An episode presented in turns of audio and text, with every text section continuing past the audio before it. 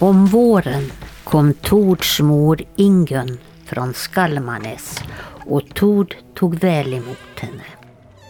Ingun sa att hon ville ställa sig under hans beskydd för att hon inte längre stod ut med att utsättas för boskapsstölder och trollkonster från Kotkel och hans hustru och söner som hela tiden också understöddes av Hallstein Gode.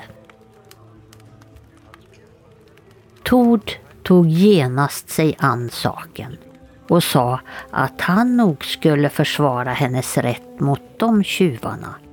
Även om han därmed också fick Hallstein emot sig. Tord röstade sig och for iväg, tio man stark och även Ingun följde med.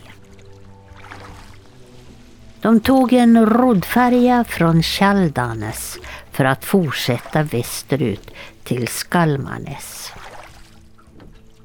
Tord lät bära allt lösöre som hans mor ägde ombord på skeppet men bestämde att husdjuren skulle drivas längst med fjordstranden. Tolv människor var ombord på färjan. Däribland Ingun och ännu en kvinna. När Tords tiomannastyrka kom fram till Kotkels gård var de båda sönerna inte hemma. Väl där anklagade Tord nu Kottkell hustrun Grima och båda sönerna för stöld och trolldom samt klargjorde att han ville att de skulle dömas som fredlösa. Han instämde dem alla till alltinget och därefter gav han sig av tillbaka till skeppet. Tord hade bara kommit ett stycke från land med rotfärjan när sönerna Hallbjörn och Stigandi kom hem till gården. Kotkel berättade för sina söner vad som hade hänt. De blev rasande och sa att ingen tidigare vågat visa dem så mycket öppen fiendeskap. Därefter lät Kotkel uppföra en väldig sejdpall och på den gick de alla upp och sjöng sina trollsånger som kallas för galdrar. Då uppstod en mäktig snöstorm.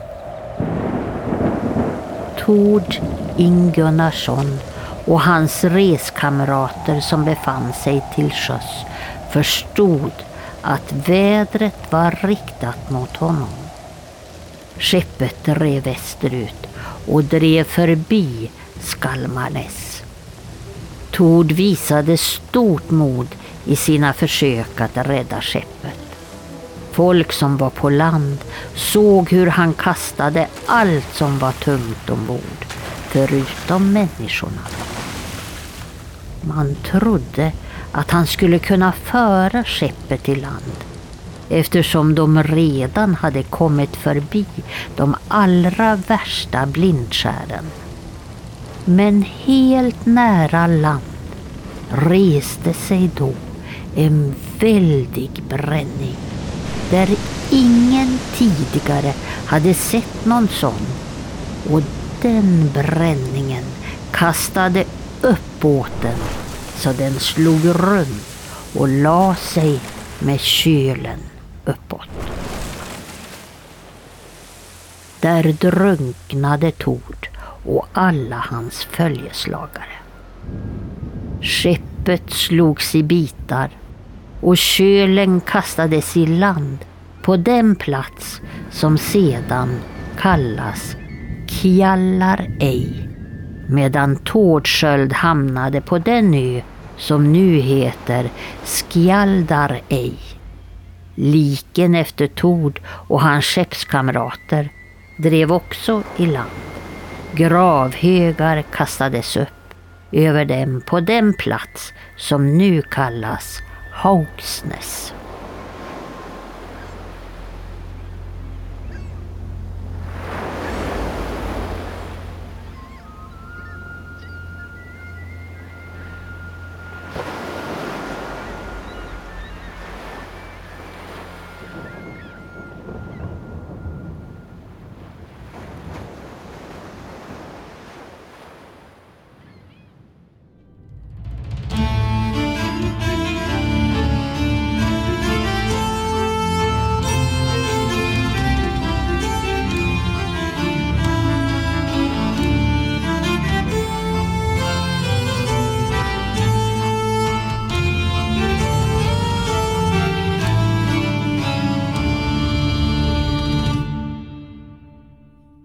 Hej allesammans och välkommen till podcasten När man talar om trollen med eh, mig, Lars Wahlström ifrån Oknytt. Och som vanligt så har jag ju med mig här Tommy Kosela, som är min gode vän och doktor i religionshistoria.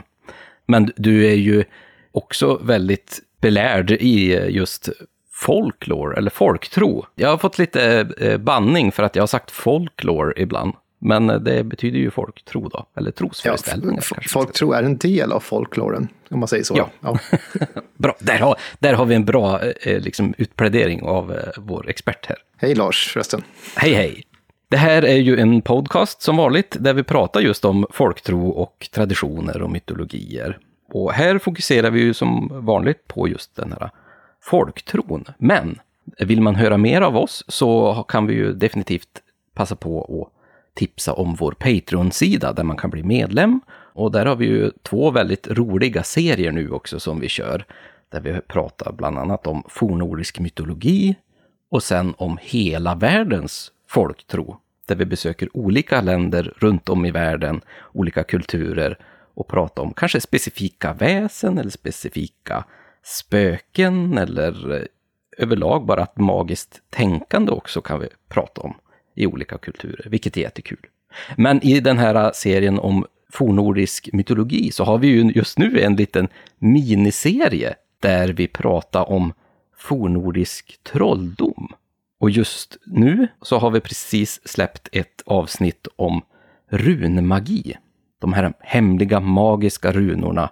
Och avsnittet innan så pratar vi om gallrar. Och nästa avsnitt kommer att bli kanske vårt största avsnitt och det är ju det om Seiden. Det är bra att du säger största för att de här två tidigare är redan uppe i tre timmar. Ja, vi är uppe i väldigt långa avsnitt där nu, men det är så himla ja. roligt för det är mycket kring det här magiska tänkandet i den fornordiska tiden. När vi ändå är inne på den fornordiska tiden och fornordisk mytologi med asarna och vanorna och jättarna så kan vi också hinta här om att det kommer ett avsnitt i den här serien om hela världens folktro. Där ska vi besöka Island, där många av de här berättelserna är upphittade kanske man kan säga. Många källor mm. kommer ifrån Island. Ja, men nedtecknade på Island. Och det, precis. Och eh, vad vi ska prata om i det avsnittet. Vi har ju rört oss i olika delar av världen. Först var det Mexiko, sen var det England och sen var det eh, sydstaterna i USA, eller New Orleans då. Mm. Och sen så nu är vi då på Island och ska prata om Hultefolk, alltså alfar. De underjordiska helt enkelt, i isländsk folktro. Det kommer att bli jätteroligt. Och vi hade en liten diskussion här innan om att vi sk jag ska göra en liten avsnittsbild till just det avsnittet. Och jag har, jag har lite svårt att föreställa mig hur jag ska eh, liksom avbilda de här osynliga väsena. ja, men du får se. De, de håller ju till i klippblock och mm. sådär saker i marken. Så att satsa på det, tänker jag. Ja, ja men jag, jag, får, jag får lösa det där. Det, det kommer att lösas alldeles utmärkt. Men du, Tommy, dagens mm. ämne, det är ju det här om väderleksmagi. Ja. Och just känslan eller önskan om att kunna kontrollera vädret, det måste ju nästan vara ett rent uråldrigt tänkande för hela mänskligheten. För vädret har ju påverkat oss i alla världens tider genom eh, samlarkulturen och även in, när vi kommer in i mer ett jordbrukssamhälle så har ju det också betytt väldigt mycket för att få grödor att växa på ett bra sätt eller att eh, det blir för kallt eller att det blir för varmt. Så vi vill ju alltid försöka att få vädret som vi vill, men det är ju en av de få makter i världen som vi har svårt att styra över. Mm. Väderlekarna är ju väldigt nyckfulla. Mm. Och eh, vad vi kommer att prata om just idag, i det här avsnittet, är ju, precis som du nu sa, människors önskan om att kontrollera utgången av vädret. Inte av det här med hur man ska ta tydor av vad, vad det blir för väder. För det lämnar vi därhän till, till en annan gång. Då blir det för omfattande. Men här sätter vi själva vi säger jag nu, men människan har själv försökt eh, med magisk väg kontrollera vädret. På gott och ont. Ibland kan det vara för att man vill kanske ha regn eller att man vill ha eh, stormar för att det ska gå bättre att segla. Men det kan också vara i ett syfte att angripa andra människor. Det kommer att bli så himla roligt avsnitt det här för att det finns så väldigt stor gryta att plocka ur på något sätt. Mm. Och i den här podden så försöker vi ju alltid att hålla oss till Norden. Och här i Norden så har vi ju ett väldigt varierande klimat ändå. Men det är ju ett klimat som har varit väldigt svårt att leva i under många tider. Det är kallt. Väldigt, väldigt kallt många tider på året. Och det kan även vara väldigt varmt och det är svårt att få grödor på vissa ställen i det här landet till exempel. Och jag tänkte nästan, jag vill bara, eh, kan jag få läsa upp en liten grej? Ja. Jag vet att vi kommer att prata om Olaus Magnus i det här avsnittet. Och det, ja, det är så lycklig jag över. Han har fått vara, vara på lite sidan av senaste avsnitten. Mm. Och då tänkte jag, kan jag få läsa en text som han har skrivit, just bara för att få känslan av hur är klimatet här uppe i Norden? Och just att kanske få en lite känsla av att man kanske verkligen vill styra det här klimatet eller det här vädret på ett sätt. Och då går den ju så här då. Vilken makt, köld och frost utövas i Nordanlanden, där du ju hava sitt egentliga hem och ursprung, kan bättre ådagaläggas genom många erfarenheter hämtade från de yttre sinnena än genom andras uppgifter. Ty dess bitande kraft erfara med rysning alla levande varelser, även på ett avstånd av flera hundra mil därifrån, i det att vid dess minsta beröring huttrande sammandraga alla lemmar. Vad skolade då ej göra i dessa trakter, där kölden själv härskar med sin fulla styrka och kraft av naturens lagar? Ja, vad skola man göra där kölden är så himla hård? Här uppe i Norden. Det får man söka skydd, eller värma sig ordentligt. Ja. Då är elden ens bästa vän. Verkligen, det är ju det. Och förhoppningsvis så kanske man kan få ett lite mildare väder om man kan kontrollera det också.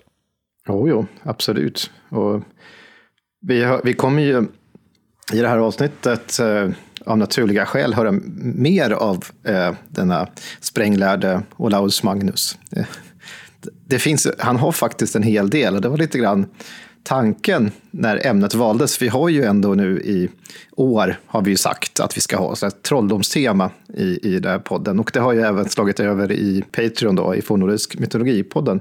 Och där tänkte man, här finns ju Olaus han har så många spännande iakttagelser, mm. får man väl säga då, betraktelser av, av just eh, trolldoms, eh, eh, väderleksrelaterad trolldom. Ja. Och faktum är att vi faktiskt i, i ett tidigare avsnitt nu om Blåkulla har redan varit inne lite grann på hans berättelser. Mm. Men å andra sidan så kan vi inte börja med Olaus Magnus. För det är ju 1555. Och det finns ju faktiskt en tid som tro det eller ej, som skedde innan Olaus Magnus. är det verkligen så? ja, det kan man inte fråga sig. Okej, okay, men då måste vi nästan undersöka det. En hint till det kanske är just den här introtexten vi hörde. Det är en isländsk saga, va? Det stämmer fint det. Det är Laxdalingarnas saga. En av många de kallade familjesagor, ättesagor, islänningasagor. Mm som jag har sagt förut här så är ju de här sagorna kan man dela upp i olika genrer. Det här är den vanligaste genren som man brukar, när man pratar om isländska sagor är de här man brukar mena då, familjesagorna. Som är ganska verklighetstrogna till stora delar. Och sen innehåller de ju lite trolldom och lite väsen och annat också. Men de ligger nära, det är mycket handlar om särskilda familjers liv och liksom, man följer dem. Njal saga, Egil Skallagrimssons saga och sådär. Och deras eh, öden. Och så finns det andra sagor också, som fornaldrarsagor och biskopssagor och riddarsagor och kungasagor och så vidare. Men det är ju medeltida sagor, stor del av de här. De är nedtecknade på medeltiden i alla fall. Och sen så är det ju en diskussionsfråga om hur långt tillbaka minnet sträcker sig. Eh, en del av dem kan ju bygga på muntliga traditioner. Eh, I alla fall, kanske inte rakt helt igenom, men episoder ur de här sagorna bygger ju på äldre föreställningar. Så även om de kristna människor har nedtecknat dem på medeltiden så innehåller de ju garanterat stoff som är betydligt äldre. En del av dem i alla fall. Ja, men det är ju precis som när vi har pratat om olika fabler till exempel, som är nedskrivna ganska sent, men de är ju jätte, jätte, jättegamla sagor. Ja, det finns ju faktiskt en del gamla nedteckningar från eh, ja, grekiska fabler och så vidare också. Men här i den isländska sagalitteraturen eller överhuvudtaget i fornnordiska kulturen så fanns det föreställning om att man kunde kontrollera vädret. Mm. Och det här, den här episoden vi hörde nu som faktiskt var ett sätt där man använder sig av väderleksmagi eller trolldom med hjälp av, av sejd och mm. gallrar så vi får in allt det vi pratar om i Patreon. Så vill ni veta mer så får ni lyssna mer på de avsnitten där. Men att man liksom använder det för att angripa någon person. Och I det här fallet gick det ju väldigt illa. Mm. Man slår ju sönder skeppet i princip med de här stormarna. Så att det är en väldigt kraftfull metod för att ett, ett skeppsburet folk som mycket reste till hav och sådär. Att om man då kan kontrollera vindarna och annat och styra skeppen in mot bränningar och annat. Ja, då, det är ju ett förödande vapen man kan använda. Här blev de ju faktiskt anklagade för att utöva trolldom och de verkar ju inte förneka det riktigt när de eh, verkligen drog igång den här trollsången och fick det här enorma ovädret att kapsejsa hela båten och allting. Är det liksom eh, vem som helst som utövar de här eh, trollsångerna eller den här magin att kontrollera vädret i den här typen av berättelser? Nej, det är det inte. Alltså, det här är ju en, en teknik eh, som en form av ritualer som, ja, tekniker som vissa personer känner till. Mm. Precis som det är med trolldom överlag. Vissa är bättre än andra. Så kan, behärskar man det här till fullo, och det, det framgår ju också i de isländska sagorna att att det är välvor, alltså, eh, eller trolldomskunniga i övrigt, som är de som behärskar det här. Och som verkligen, de som kan kontrollera vädret fullt ut, de är ganska kraftfulla. Och, och det är få förunnat. Mm. Men de är faktiskt ganska de är vanligare än vad man tror. De, de, finns i ganska många isländska sagor. Eller beskrivningar av just eh, väderleksmagi. Eller trolldom då, om man ska använda det fornnordiska ordet. Och en liten eh, passus här, det är ju att eh, vi pratar ju här om en isländsk saga, men ni kan ju faktiskt eh, kolla vart det här skeppet förliste någonstans. De nämner ju här Kjallarei. Och det är ett litet ötätt område i nordvästra Island, så att ni kan faktiskt gå in på, på kartorna och titta vart det ska ligga någonstans. Det är intressant att det är flera platser. Det är Skaldarei och eh, som också nämns i den här sagan, mm. så att man får ju upphov till platser som, av den här sagaepisoden som har gett upphov till de här äh, ortsnamnen då. Vilket ju i sig ger en till dimension i det hela. Men här var det ju mer som att man utövar en form av trolldom. Annars när vi tänker på den fornordiska tiden eller den fornordiska gudavärlden eller mytologi överlag, så kan man ju kanske tänka sig att man ska offra någonting till gudarna för att få någonting mm. tillbaka eller få en effekt på något sätt. Kunde man egentligen påverka vädret genom gudarna? Ja, att det finns böner då som man brukar säga när man vänder sig till gudarna mm. Eh, med ett kristet språkbruk. Men det finns personer som också vänder sig exempelvis till guden Tor eh, till havs. Och det finns också tankar om att eh, det finns en liten figur som är bevarad på Island. Där Tor sitter och håller i sin hammare, han sittandes. Ganska känd sådan. Eh, en del forskare har menat på att det här är Tor som en vindgud, att, han, att det inte alls är en hammare han håller i, utan det är, han blåser ut en vind så att säga. Jaha, just det. Och så finns ju också beskrivningar av personer som till havs tycker att det är bättre att tillbe Tor på grund av vindarna. Men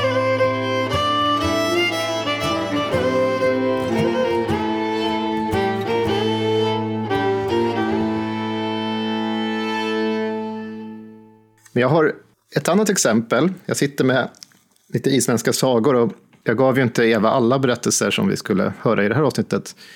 Eh, det finns så många och man hinner inte alltid med i förväg och, och gallra fram dem. Är det här en förberedelse till att vi ska få höra din ljuva röst läsa upp en av de här sagorna? Vilken plåga. Ni anar inte, kära lyssnare. ja. Nej, men det här är en annan sån här islandssaga. Och jag tänkte, det här är ett, ett intressant exempel som en kontrast till den första. Mm. För den första handlar till stor del om att faktiskt på ett förödande sätt slå sönder ett skepp, blir det ju. I den här sagan som heter Eirbyggarnas saga, eh, Eirbyggarsaga, så, som också är medeltida och faktiskt är känd för en som en saga. Båda de här två är kända för att de innehåller väldigt mycket trolldom. Men det finns ett, ett, ett, episod i den här sagan. Det, jag ska inte gå igenom hela för, liksom, vad som leder fram till den här episoden, för att det är lite komplicerat med folk som är osams och lite konflikter och sådär. Men det är en person då som är förälskad i en, som egentligen är älskare kan man säga då, till eh, en kvinnas. Och eh, den här kvinnans man mm. är ju inte så förtjust i att han slinker dit och är med hans kvinna då och då. Förståeligt. Enligt sagan, ja. Och eh, det är, ja, han är älskare då. Då lyder det så här, och tänkte att det är liksom förgrunden, och de har redan haft lite eh, kiv om det där innan då. Han förstår av en björn här då att han är med den här kvinnan. Och då säger Ford, som är då hennes man, det är nog bäst för er att ha så lite som möjligt med varandra att göra och att du vänder dina tankar ifrån henne. Det är säkert ett gott råd, men jag vill inte ha det, även om jag kommer att ha en överman i Snorri Gode, hennes bror. Du råder över dig själv, sade Ford. Och därmed slutade deras samtal. Björn får nu hem till Kam och övertog skötseln av gården, eftersom hans far var död. Om vintern begav han sig ibland norrut över heden för att träffa Furid, alltså den här gifta kvinnan. Då. Och även om Farod tyckte illa om det visste han ingen råd. Han betänkte hur svårt medfaren han blivit då han sist hade försökt göra något åt saken. Och nu såg han att Björn var mycket mäktigare än förr. Så det kan ju vara här, jag kommer snart fortsätta, men kan här har konflikten. Han kan inte riktigt göra någonting. Vad ska han ta sig åt? Han känner sig maktlös. Forrod betalade om vintern Forgrimma Galdrakin för att hon skulle framkalla ett snöoväder när Björn färdades över heden. En dag får Björn till Froda. Och på kvällen, när han gjorde sig redo att fara hem, var det mulet och duggade lätt. Och han kom sent iväg. När han kom ut på heden blev det kallare och blåsten tilltog. Det var så mörkt att han inte såg vägen framför sig. Därefter kom en hagelstorm så häftig att han knappt visste var han var. Hans kläder började frysa till is eftersom han redan var genomvåt. Då for han helt vill. Till slut hittade han en klipphåla där han gick in och i detta kyliga härberge tillbringade han natten. Och sen så ska han diktat lite grann där inne, som jag inte läser upp här. Och så står det, i tre dygn stannade Björn i klipphålan innan ovädret lättade. Och på det fjärde dygnet lyckades han lämna heden och kom tillbaka hem till Kam. Han var då mycket utmattad. Då frågar man vem som har gjort det här och i eh, hans dikt, han svarar i diktform som man gör de här sagorna. Då säger han, där striden stod som hetast, jag kämpade med styrbjörn. För Eiriks skarpa vapen föll ovänner i drivor. Nu irrade jag rådlös och frusen över heden. Trollkonans många konster gjorde mig vill om vägen. Björn höll sig nu hemma under vintern. Om våren byggde hans bror Ambjörn en gård på Backe i Graunhäfn, medan Björn bodde på Kam och höll stort hus. Så vad är det intressanta här då? Förutom att det är massa konflikter så har nu den här mannen fått hjälp av en trollkona, hennes namn, eh, att hon är duktig gallrare, det hörs redan i hennes namn hon dödar inte honom eller något sånt, utan hon kvarhåller honom mm. på heden i en klippa och ser till att han inte kan träffa den här kvinnan som han är ute efter. Så det, det blir obekvämt för älskaren, bekvämt för mannen och förmodligen obekvämt för, älskare, eller för kvinnan då också. Ja. så, det, det är inte mycket mer än så som händer här, men ett sätt att kvarhålla honom från att träffa henne. Och det gör han via hjälp av en sån här äh, trolldomskunnig kvinna, då, en trollkona som han diktar om. Jag tyckte det är så himla spännande med de här äh, äldre texterna just här om, om, i de här isländska sagorna. Och vi kanske ska lyssna på en av Evas också. Så, så kan jag göra en liten koppling här som jag tycker är lite intressant faktiskt. Mm.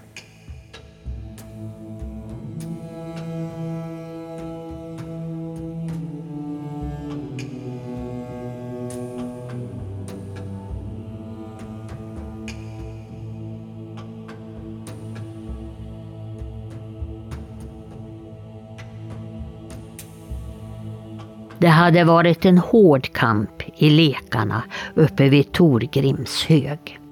Många hade kommit för att titta på leken. Man var nyfiken på vem som var starkast och vem som var bäst i lekarna. Nu var tre av männen på väg hem tillsammans. Det var Torstein, en av kämparna. Han var Audbjörgs son från Anmarkastadir. Och en man som hette Torgeier som kallades Orri och bodde på Orrastadir. Och den tredje mannen hette Berg men han kallades för Skamfot och bodde på Skamfota myri. Det var öster om ån. Och nu när man begav sig hemåt så talade man om vad som hade hänt i lekarna och Torstein och Berg de råkade till slut i gräl. Berg hade hållit på Björk i kampen och Torstein han sa tvärt emot honom. Berg gav då Torstein ett slag med yxhammaren. Men Torgeir, han gick emellan och Torstein fick inte tillfälle att hämnas på Berg. Torstein begav sig hemåt till sin mor, Audbjörg. Hon band om hans sår men var illa tillfreds med sonens färd. Audbjörg kunde inte somna om natten. Så upprörd var hon. Dagen efter var vädret kallt och lugnt och klart. Audbjörg gick några gånger motsols runt om husen och vädrade i alla riktningar och så satte hon upp näsan.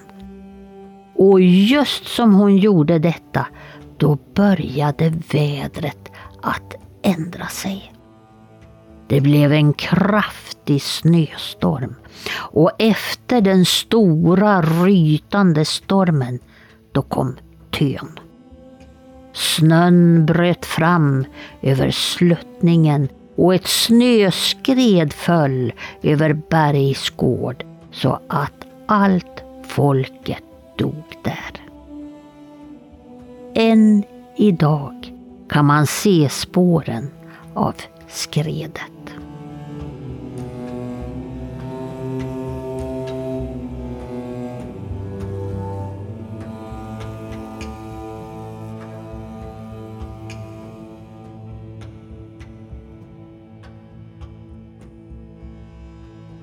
Här ser vi ju också en, en kvinna faktiskt som eh, utför den här eh, magiska ritualen eller den här lite magiska handlingen och verkligen kontrollerar vädret som får väldigt förödande konsekvenser, vilket säkert var menat från hennes del naturligtvis. Här vill jag komma till den här lilla funderingen jag hade. Vi pratar om de här väldigt gamla texterna. Det är nästan så att jag känner att de här berättelserna kring hur vädret påverkar de här människorna är lite kopplat till hur man egentligen såg på vädret i äldre tid. Det är ju väldigt farliga saker som händer här. Det är skepp som förliser, här är det ett snöskred som dödar en massa folk. Och så har vi också det här himla kalla vädret som håller undan den här älskaren då i den här grottan. Och det är precis som man förstår att vädret i äldre tid har varit väldigt farligt för många. Ja, vädret är ju extremt oberäkneligt och i, i Norden inte minst så. Alltså vi, på vintern kan det snabbt slå om. Mm. Jag har själv erfarit det här på Island. Nu satt jag tryggt i en bil. Det här var i december månad. Vi skulle åka ut till en bra bit utanför Reykjavik. Och när vi började åka så såg man ju vägen klart och tydligt och det, plötsligt började det snöa. Men det tog inte mer kanske en halvtimme innan vi inte kunde se mer än... Vi fick krypa fram, vi såg inte vart vägen slutade. Det var bara vitt överallt och man hörde då på radion, som nu finns i modern tid, eh, att eh, det var på isländska då berättade de om att det var massa personer som hade kört av vägar och sådär och de uppmanade folk att kanske mer sakta in eller stanna upp och vänta ut det här vädret. Det finns sådana här reflexer efter, efter vägkanterna då. Eh, det är ju småvägar.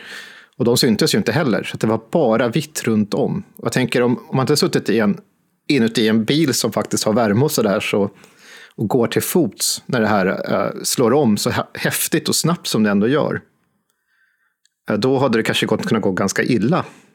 Och det kan man ju nästan känna lite här också i den här berättelsen, för hon går ut runt huset och sniffar liksom lite i luften så här.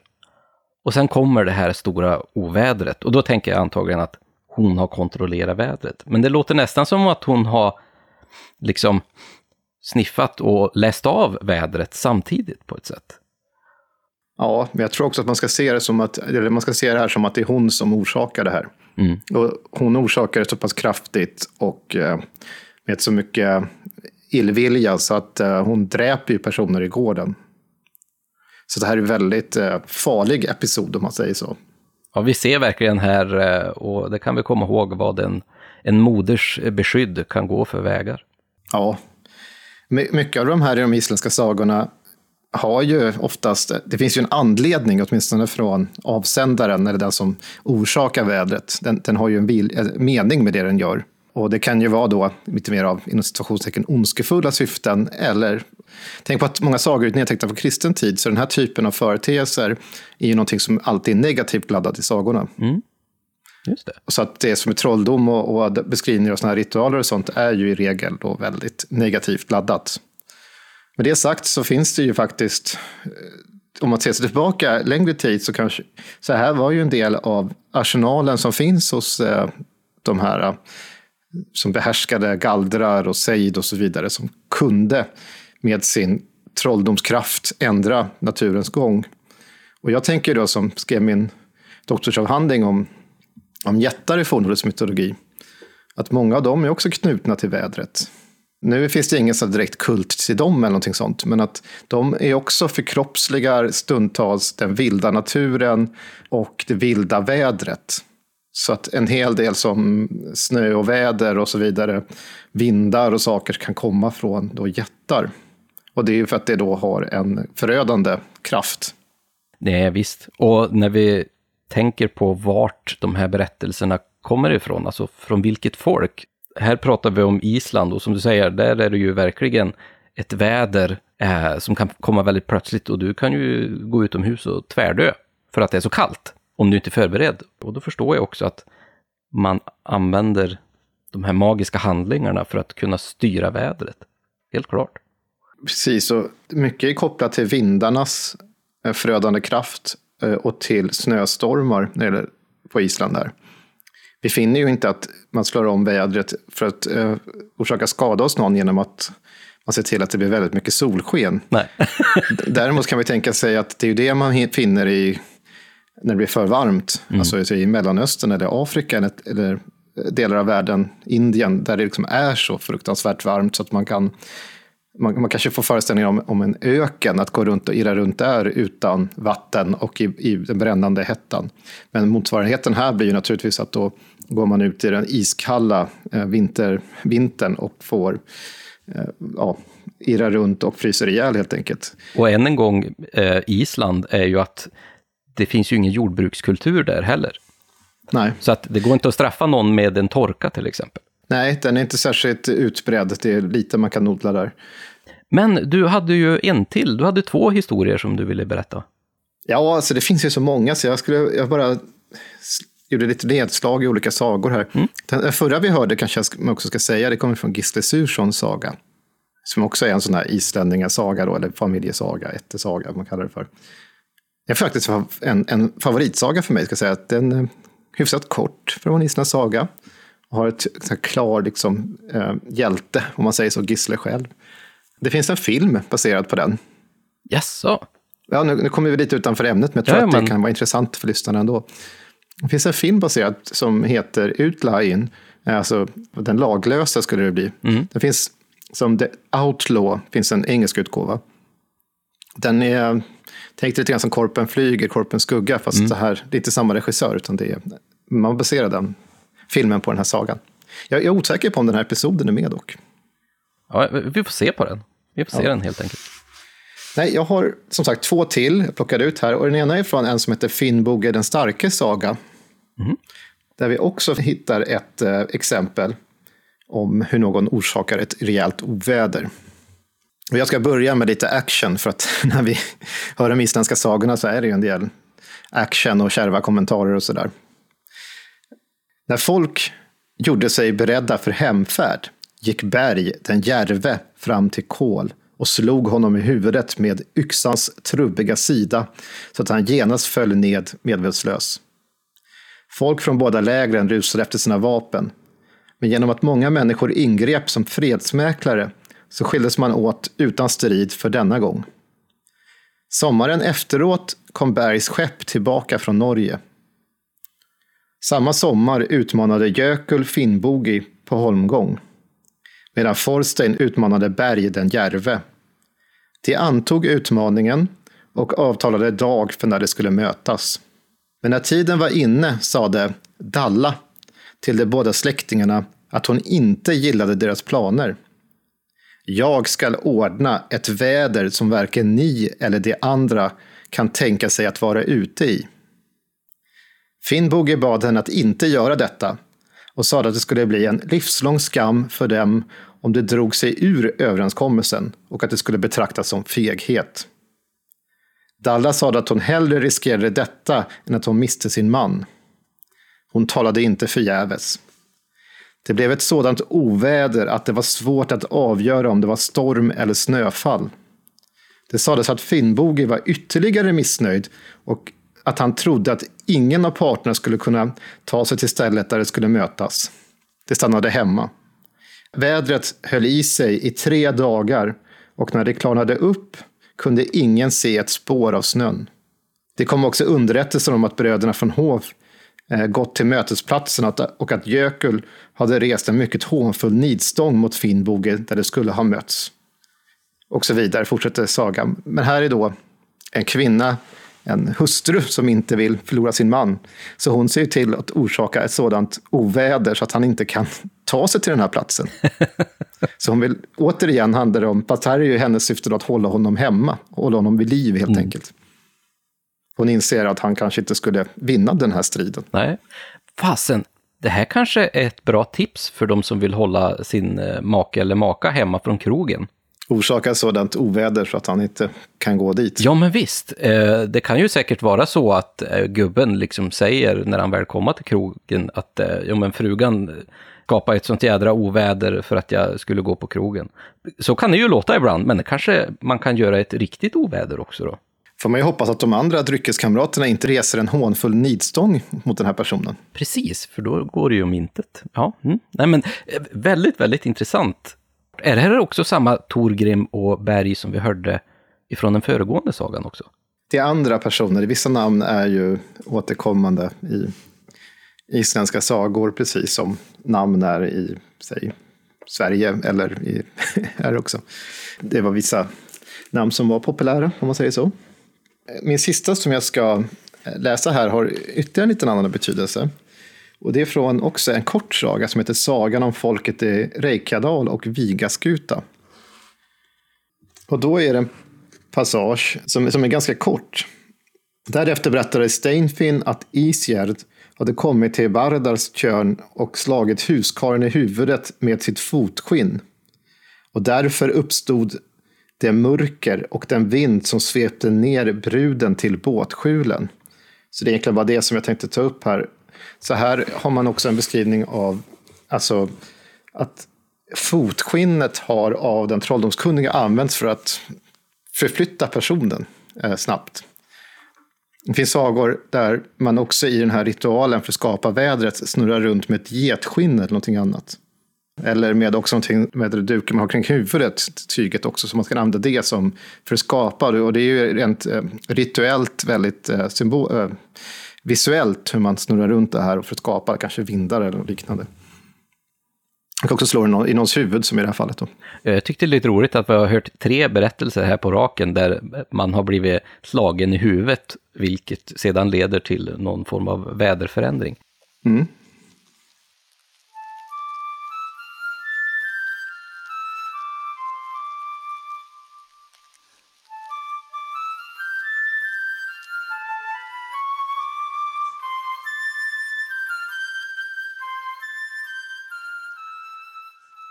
Och det är ju alltid så himla roligt att få lära sig mer om den äldre tiden.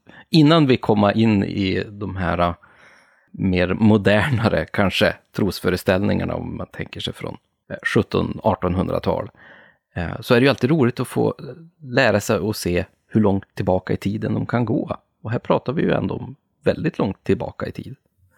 Ja, alltså du kan ju, om man skulle så vilja, så kan vi ju faktiskt Eh, dra tillbaka väderleksmagi till antiken. Alltså det finns ju beskrivningar där också, nere på kontinenten. Då. Eh, och vi har ju beskrivningar om de isländska sagorna är nedtecknade på 11-1200-talet, 13-1400-talet i vissa fall. Så rör vi oss fortfarande, även om beskrivningarna i dessa sagor kan beröra Sverige, Norge, eh, ja mycket Norge i och för sig, men ibland Sverige också. Så får vi vänta ett tag innan vi får våra egna beskrivningar om vad som sker här av en så att säga svensk. Då, då. Mm.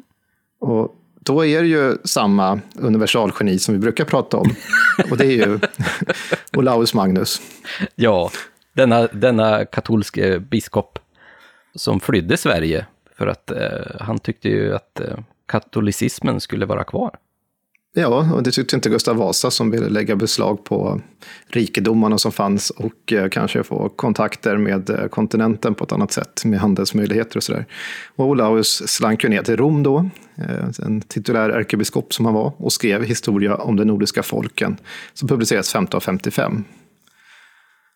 Och i den här stora krönikan och, och noggranna iakttagelser vad som sker och har skett i vårt land, eller i hela Norden egentligen, så finner vi ju en del som har med trolldom och väderleksmagi att göra. Mm. Något av detta har han då samlat under rubriken om havets besvärjare, som vi kanske ska höra Eva läsa upp.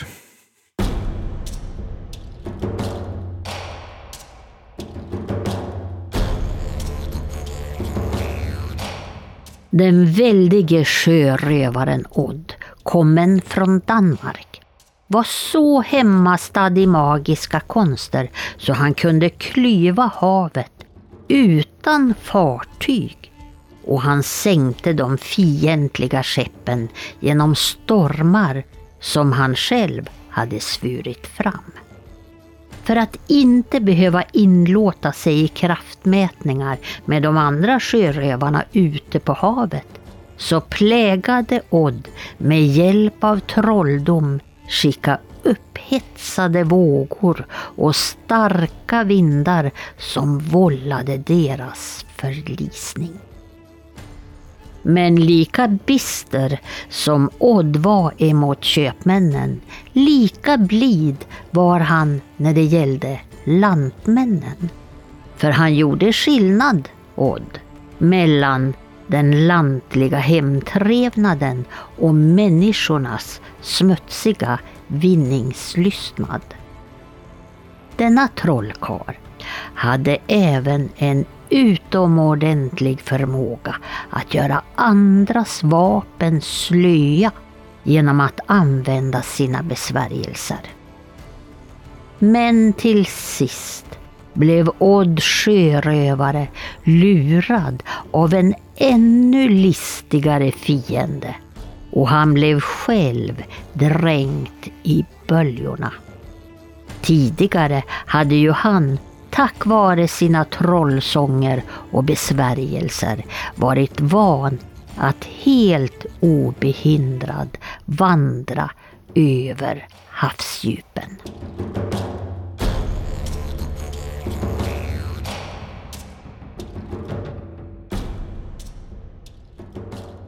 Ja du Tommy, här hade vi ju den här sjörövaren Odd som verkligen var någon form av Eh, Eh, legend över haven. Han kunde ju styra havet själv här och förliste fartyg och han kunde till och med klyva havet i tu utan skepp. Vilka fantastiska förmågor den här eh, trollkaren hade alltså.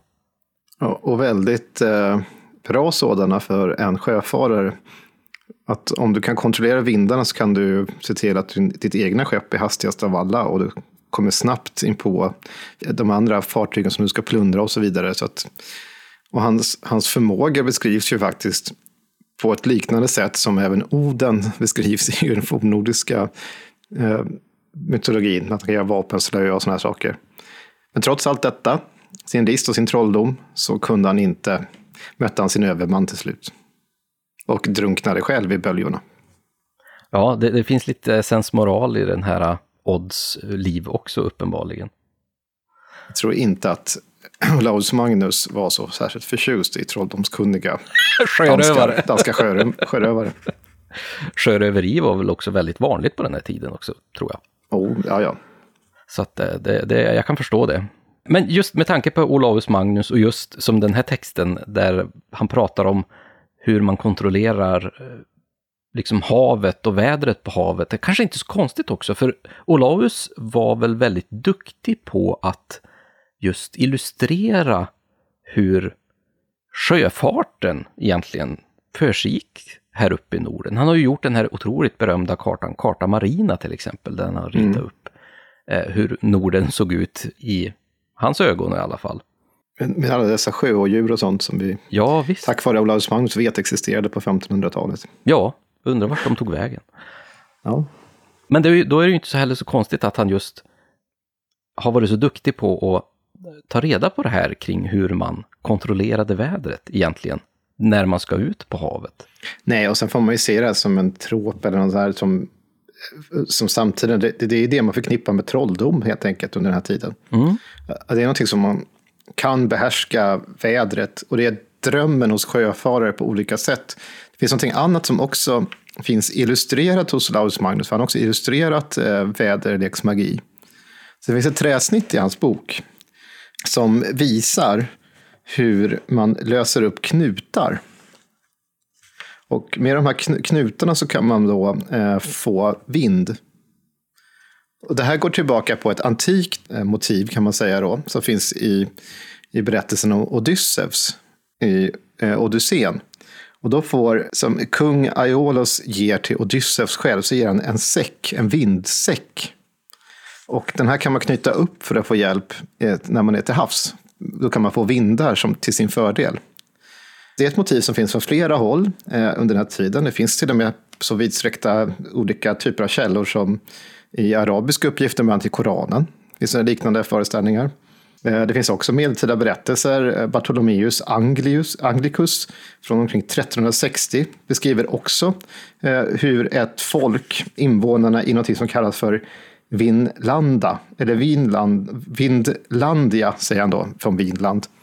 Och då menar han på att där sålde man trådnystan med knutar på. Och de här upplöstes i tur och ordning för att ge starkare vind. Och det är det man ser i Olaus Magnus snitt. Eh, och den här föreställningen var tydligen ganska vanlig i Nordeuropa.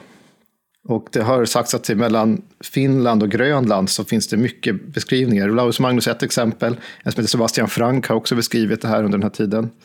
Och som jag sa, Oslaus Magnus bild visar också hur en sån här vindknut säljs. Mm. Det står två män på en båt, så står det en på en slags klippa som håller, har ett rep som liksom går uppåt med speciella knutar på. Och där står två stycken då, män på båten och spekulerar om, uppenbarligen vill köpa.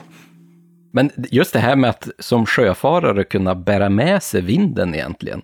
Ja. Måste ju vara otroligt praktiskt. Absolut, och vi, det här har ju senare, eh, vi kommer hänga kvar ett tag här på 1500-talet, Olaus Magnus, men just med de här vindknutarna kan jag säga det att de har ju senare förknippats istället med övernaturliga väsen.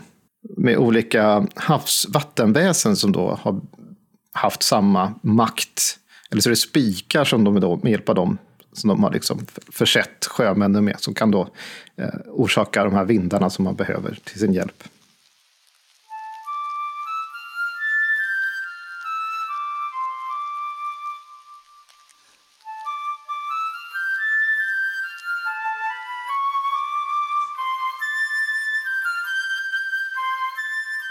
Den här åsyftade Erik Väderhatt, han som var konung i Sverige. Han hade anseende för att ej stå tillbaka för någon av sina samtida i fråga om magiska kunskaper. Han var så förtrogen med onda andar, vilka styrkan han ivrigt hängav sig åt, att vart än han än vände sin hatt så blåste genast en gynnsam vind upp från det hållet.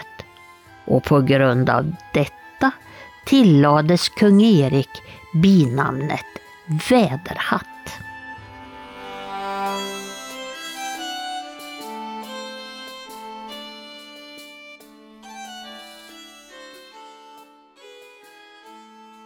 Ja, du ser, till och med kung Erik hade här en hatt, ungefär som den här säcken som du pratade om. Att han kunde bara vrida hatten åt rätt håll så då blåste det. Det måste ju vara jättebehändigt. Absolut, och det är samma föreställning naturligtvis som ligger till grund här. Mm. Det här är en slags mytisk eh, Svea-konung eh, som eh, en del har spekulerat kring att i vikingatiden, han var ju uppenbarligen en slags sjörövare som härjade runt eh, Östersjön. Och han är beskriven hos Olaus, det finns till och med en bild på honom i, i historien om de nordiska folken. Men han är också beskriven i Saxo Grammaticus, som vi ibland har nämnt här, den mhm. danska eh, författaren som eh, förmodligen en munk eller präst som skrev ner det här Gesta Danorum på 1200-talet då, som om danernas bedrifter. Jag tänker att det kanske är Erik Edmundsson eller någon annan person. Det har spekulerats om vem han är. Saxo tillskriver honom som en av eh, Ragnar Lodbrocks söner. Jaha, just det. Som ju också är en sån här eh, känd sagokung. Mm. Jag har inte sett serien Vikings där han tydligen är med väldigt mycket.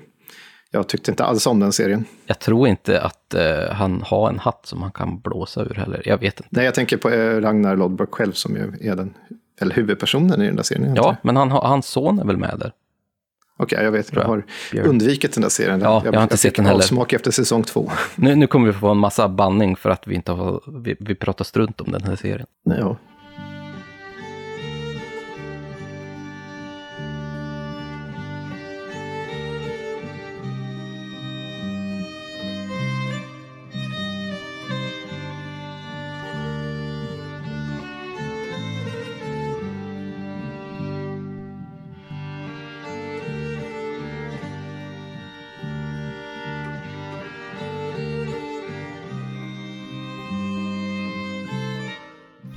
Trollkarlarna. De är i besittning av makter som kan betvinga elementen genom sina besvärjelser. Besvärjelserna kan vara utförda av trollkarlarna själva eller av andra, varvid de kan styra naturkrafterna helt efter sina önskningar. De kan än göra dem mildare än göra dem våldsammare. Härvid bör särskilt anmärkas att dessa, den yttersta Nordens invånare, nämligen Finlands och Lapplands bebyggare under hedendomens tid vore särskilt bevandrade i trollkonster. Hela världen bedåras utan motstånd av denna djävulska konst och andra liknande onda ting. Ej sällan plägade finnarna bland andra hedniska förvillelser att hålla vind till salu åt köpmännen som blivit tvingade att uppehålla sig vid deras kuster av ogynnsamma vindförhållanden. Mot betalning kunde finnarna ge köpmännen tre förhäxade knutar slagna i rad på en rem med därtill fogad underrättelse om att om de upplöste den första knuten skulle de få milda vindar. Om den andra löstes skulle de få en häftigare vind. Men om de löste den tredje knuten, då skulle de få känna på så våldsamma stormbyar så att de varken skulle kunna speja från fören för att klara sig för skär eller inombords kunna hålla sig på benen för att bärga sina segel eller ha tillräcklig kraft för att kunna sköta rodret i akten. Och de sjöfarare som var föraktfulla och tvivlade på att krafterna kunde finnas inuti knutarna, ja, de, de råkade riktigt illa ut.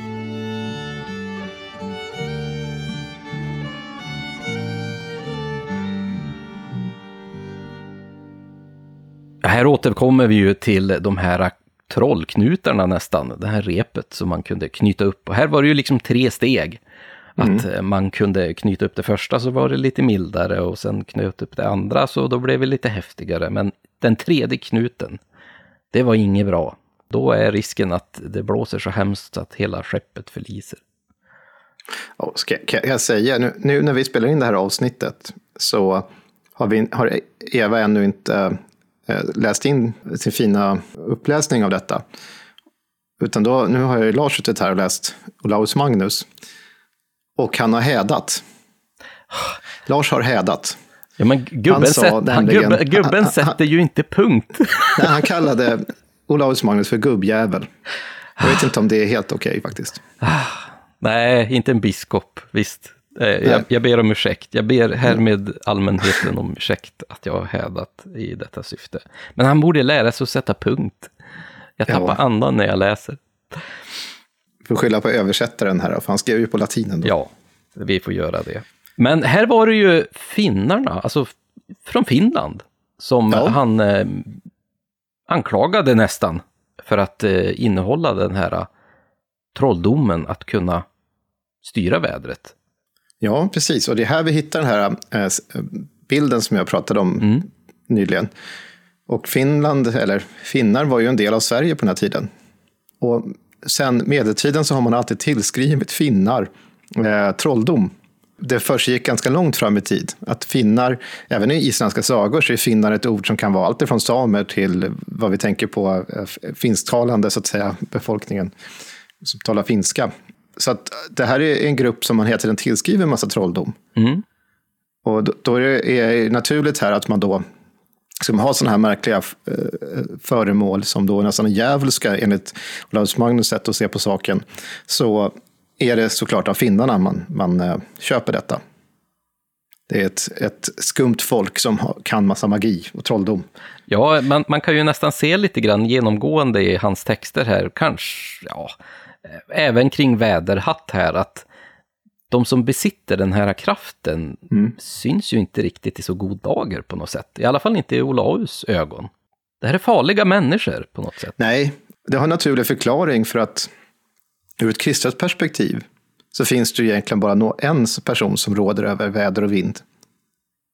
Och det är ju Gud att på något sätt försöka påverka och för egen vinning eh, styra över eh, naturen. Det är ju djävulskap, alltså det är ju förenat med, det är ju trolldom. Det här är ju ungefär samma tid också som den här Mallius Maleficarum skrevs och sådana här saker. Så att 1400-1500-talet var ju också tid när man hade trolldomsprocesser och liknande mot de som sysslade med trolldom runt om i Europa som senare skulle kulminera i, bland annat i Sverige skulle det ske mot slutet av 1600-talet, de här stora eh, oväsendet, trolldomsprocesserna, när 300 personer eh, miste sitt liv. Så att den här typen av handlingar har ju förföljts från kristna ögon, från kyrkans sätt att se på saken. Men med det sagt så ska jag komma in på folktron här, för att det här med, med det här eh, snöret som man kan liksom knyta upp, eller om det är en säck som det är i Odysseen, eller faktiskt en hatt, om det är Erik Väderhatt, då, har ju eh, bytts ut mot en spik i en del sägner i senare tid. Och det finns berättelser om så högt upp som till Medelpad då i Sverige. Vilket inte är särskilt högt om man tänker på hur stort Sverige är, men ändå, det är halvvägs upp, halva Sverige. Så, så lyder en, en sägen så här, en sägen från Medelpad. Och då handlar det om sjörået Bremer. En annan gång, på hemväg från Stockholm, skulle Bremer, då det närmade sig Bremön, betala för resan. Men skepparen tog icke emot något. Då Bremer i alla fall ej ville ha gjort resan utan någon slags vedergällning slog han en spik i fören på skutan och sade att eftersom skepparen vill ha vinden till skulle han knacka på spiken. Därefter försvann han från fartyget utan att någon visste hur. Spiken blev till mycket nytta. Ingen gjorde så snabba resor. Kockpojken hade emellertid märkt kaptenens knackningar och ville även han pröva på. En natt smög han sig förut och gav spiken ett kraftigt slag. Genast uppstod den häftigaste storm och förskräckt måste han väcka kaptenen, vilken sov. Denne tog saken lugnt, knackade helt sakta på spikhuvudet och stormen lade sig. Det var den lilla berättelsen från Medelpad. Men det här får man ju en ganska tydlig också bild av att vädret är någonting väldigt farligt när det inte kan kontrolleras. Va? Ja. Det verkar ju vara genomgående här att om du inte har, verkligen har den här kunskapen om hur du ska antingen sjunga och besvärja den här stormen eller om du har den här spiken som du måste veta hur du ska använda, så då, då kan det gå riktigt illa ut för att vädret är farligt. Väldigt farligt. Precis, och, och de här idéerna om att man har vindknutar eller spikar eller något typ liknande har egentligen över hela Norden. Mm. Varit knutet haha, till trolldomskunniga personer. Mm. Så det, det är till den här gruppen som man särskilt har tillskrivit den här egenskapen. På Island finns det ju också senare i folkloren eh, berättelser om personer som förorsakar att människor förliser och sånt där. Men det är kanske inte så konstigt när det är en ö också, att just det här med att man kan förlisa båtar och sådär. Kring, kring Åland finns det också den här berättelsen exempelvis. Så att, ja, det, det, är ju, det är ju fascinerande på många sätt. Men du nämnde ju lite grann om att just väsen på något sätt kan styra vädret. Och de om några är ju på något sätt trollkunniga. Mm. Och när vi pratar om sjöfart så är det ju kanske sjörån eller eh, havsfrun, havsrået. Är det vanligt att just de här väsena också oknytt kan kontrollera vädret? De kan orsaka, vi finner exempelvis äh, berättelser också om jättar, att ja. de kan kontrollera, äh, kontrollera eller orsaka olika väderomslag och sånt där. Men jag skulle nog säga att det vanligaste är nog att man knyter den här typen av aktivitet kring, till de trolldomskunniga. Häxor, eller vad man nu vill kalla dem för. Precis som vi har mer exempel i avsnittet om Blåkulla. Alltså hela den här ön är ju, i de äldsta texterna är ju känd för väderlekens om, att det slår om och att det är då att häxor, som man säger, då, är som orsakar detta.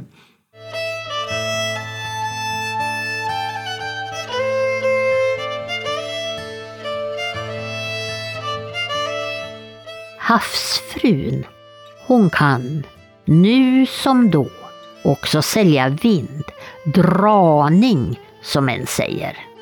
Jag känner en styrman som en gång skulle segla från Tärnö och den lilla biten in till Karlshamn. Han drog till och köpte draning för en hel femtioöring. Men du store tid, en sån storm han fick för den betalningen. Det blåste så det sjöng mellan klipporna och han var nära att rent av segla omkull sig.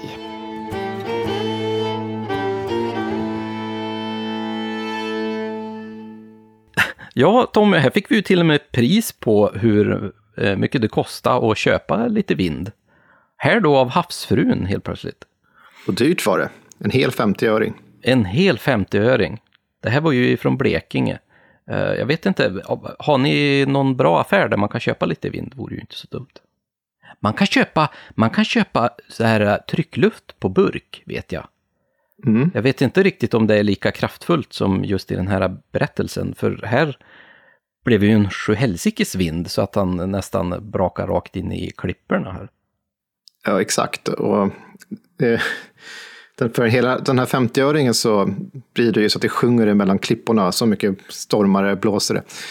Och upptäckningen, uppteckningen, eller berättelsen är från en som heter Eva Wikström som är känd för att ha samlat in eller berättat mycket berättelser från södra delen av Sverige. Och I det här fallet så är det ju då Blekinge. Och hon har då berättat sina sägner och annat via olika informanter om man säger så. Det här är då sömmerskans eh, berättelse, mm. eller en av hennes berättelser i hennes samling. Som vi pratade i ett tidigare avsnitt där vi pratade om spiritus, så kunde man ju köpa sig en spiritus liksom, för att dra pengar till gården. Och här kan man då köpa sig vind. Det, det är så att man även kan handla trolldom i den här typen av världsbild också. Jag tycker det är ganska fascinerande.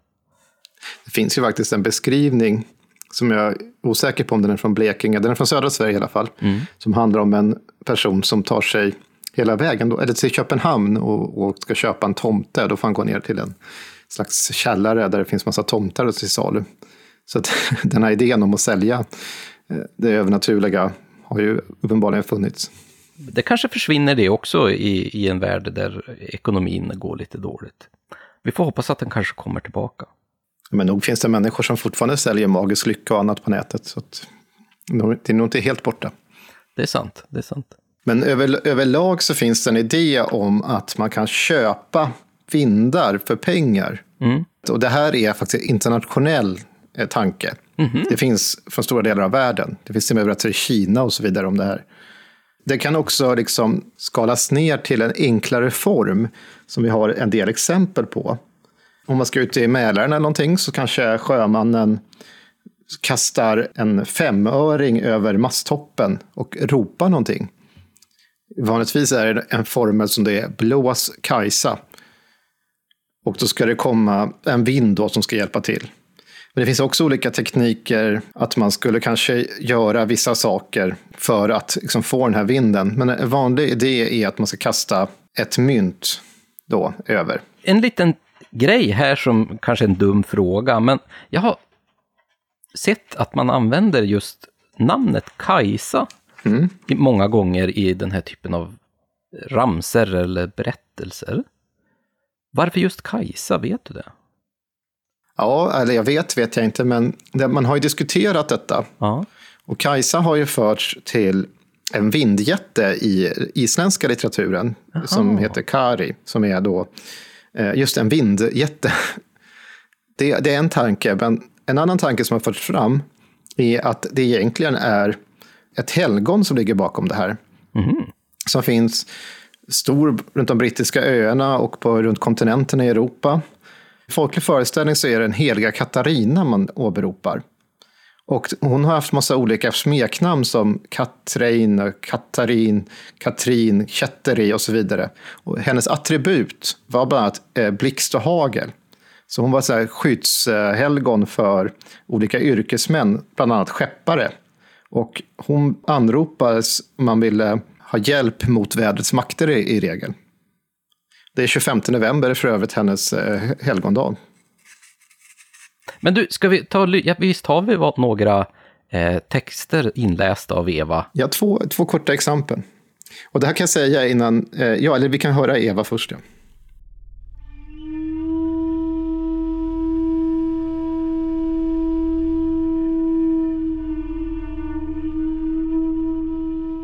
För att få en frisk vind, då kastar man en slant över seglet och ropar Blås Kajsa!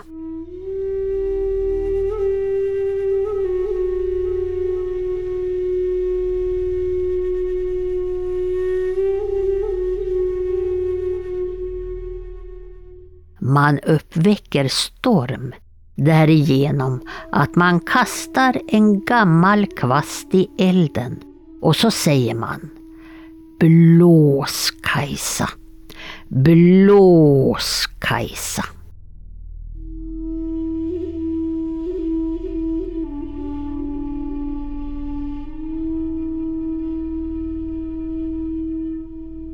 Vad vi precis hörde var då två exempel från 1800-talet. Det första från 1880, det andra från 1870. Bohuslän respektive Gotland i en bok som handlar om eh, svenska signelser och besvärjelser har fått det väldigt sexiga eh, benämningen imperativa och optativa former av trolldom. Åh, oh, man blir alldeles till sig. ja, det, det, brukar man väl säga. Den första då från Bohuslän är av en, efter en pastor M. Ysenius och den andra är faktiskt efter en pastor Fredrik, antar jag ska vara, Hersmans samlingar. Mm. Och här har vi den här äh, Kajsa, som kanske är antingen är det då vindjätten eller är det, som verkar mycket mer troligt, en förvanskad eller en svensk form av det här eh, helgonet då? Mm. Och här fick vi ju då två olika typer av ritualer också som man skulle utföra, liksom att man, jag kanske använder namnet eller ordet ritualer fel, men handlingar, att man antingen skulle slänga det här myntet över seglet, eller så skulle man slänga in en kvast i elden och egentligen säga blås Kajsa. Ja, fast båda, får ju liknande betydelse. Den första är ju för att få vind, mm. om man är till havs. Den andra är för att uppväcka själva stormen, då, att uppväcka en storm.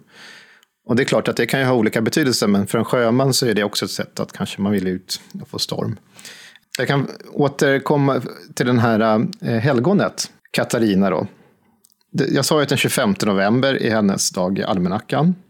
Men det är också en orakeldag för eh, väderlek.